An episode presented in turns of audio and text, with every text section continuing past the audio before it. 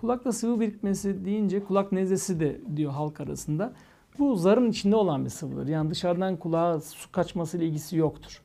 Orta kulakta bir boşluk vardır. Bu boşlukta normalde hava olması gerekir ki zar titreşecek, kemikçiklere e, değecek, kemikçikler oynayacak ve o ses iç kulağa iletilecek. Eğer ama östaki tüpünüz yani orta kulakla geniz arasında iletişimi sağlayan tüpünüz tıkalıysa, çok büyük geniz etiniz varsa, tekrarlayan enfeksiyonlar varsa burada orta kulakta hava yerine sıvı birikmeye başlar. Ve bir süre sonra hastada işitme azlığı olacaktır. Yani aynı havuzun altında yüzen çocuğun dışarıdaki sesleri duyması gibi derin, boğuk sesler duymaya başlayacaktır. Bunu nasıl anlarız? Bunun anlamanın ilk yolu televizyonun önüne gider çocuk. Televizyon sesini açar. Öğretmenin e, duymazlıktan geldiğini zanneder öğretmeni. Veya ailesi bir şey söyleyince bak bir şeyler söylüyoruz ama anlamadı, duymadı gibi işitme azlığıyla başlar. Asla ağrı yapmaz. Ağrı yapmadığı için de aileler bunu kolaylıkla kaçırabilirler.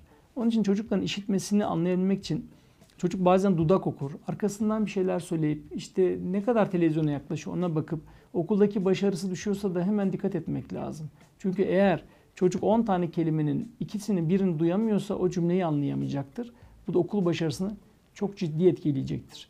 Çocuklarda yapılan bir araştırmada işitme kaybı sadece %15 azalması okul başarısını, başarısını %85 azaltmaktadır.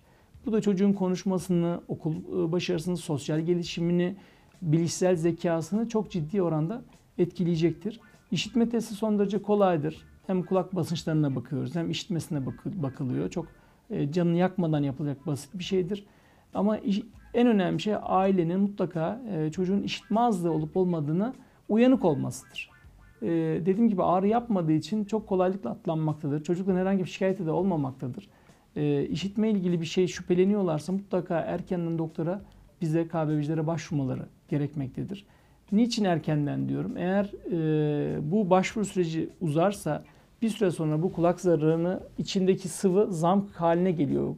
Koyu tutkal haline geliyor ve zarı orta kulağa doğru çekiyor. Bir süre sonra zardaki ilerleme artık hasar yapacak hale geliyor. Çok ileri vakalarda zar deliniyor. Orta kulaktaki kemikçiklere yapışıyor, kemikçikleri eritiyor. Yani e, uzun lafın kısası böyle bir durumda ileride telafisi olmayan problemlere neden olabiliyor. Bu nedenle eğer böyle bir durum varsa tespit edilmeli. Dediğim gibi muayene, genizetine bakılmalı. Aynı zamanda işitme testleri, basınç testleri, refleksler bunlara bakılmalı. Tarama testleri bunlara bakılmalı. Ve e, gerekirse de tüp takmak gerekir. E, tüp takma işi zor bir işlem değildir. E, genel anesteziyle yapılı çocuğun canı yanmaz. Tüp deyince hastalarımız cihaz gibi bir şeyden herhalde e, çekiniyorlar. Aslında öyle bir şey değil. Kulak zarını azıcık çiziyorsunuz bu 1-2 milim e, uzunluğunda. İçindeki sıvıyı boşaltıyorsunuz. Yani içini önce temizliyorsunuz.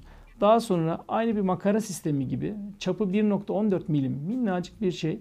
Sadece içi boş bir makara sistemi gibi.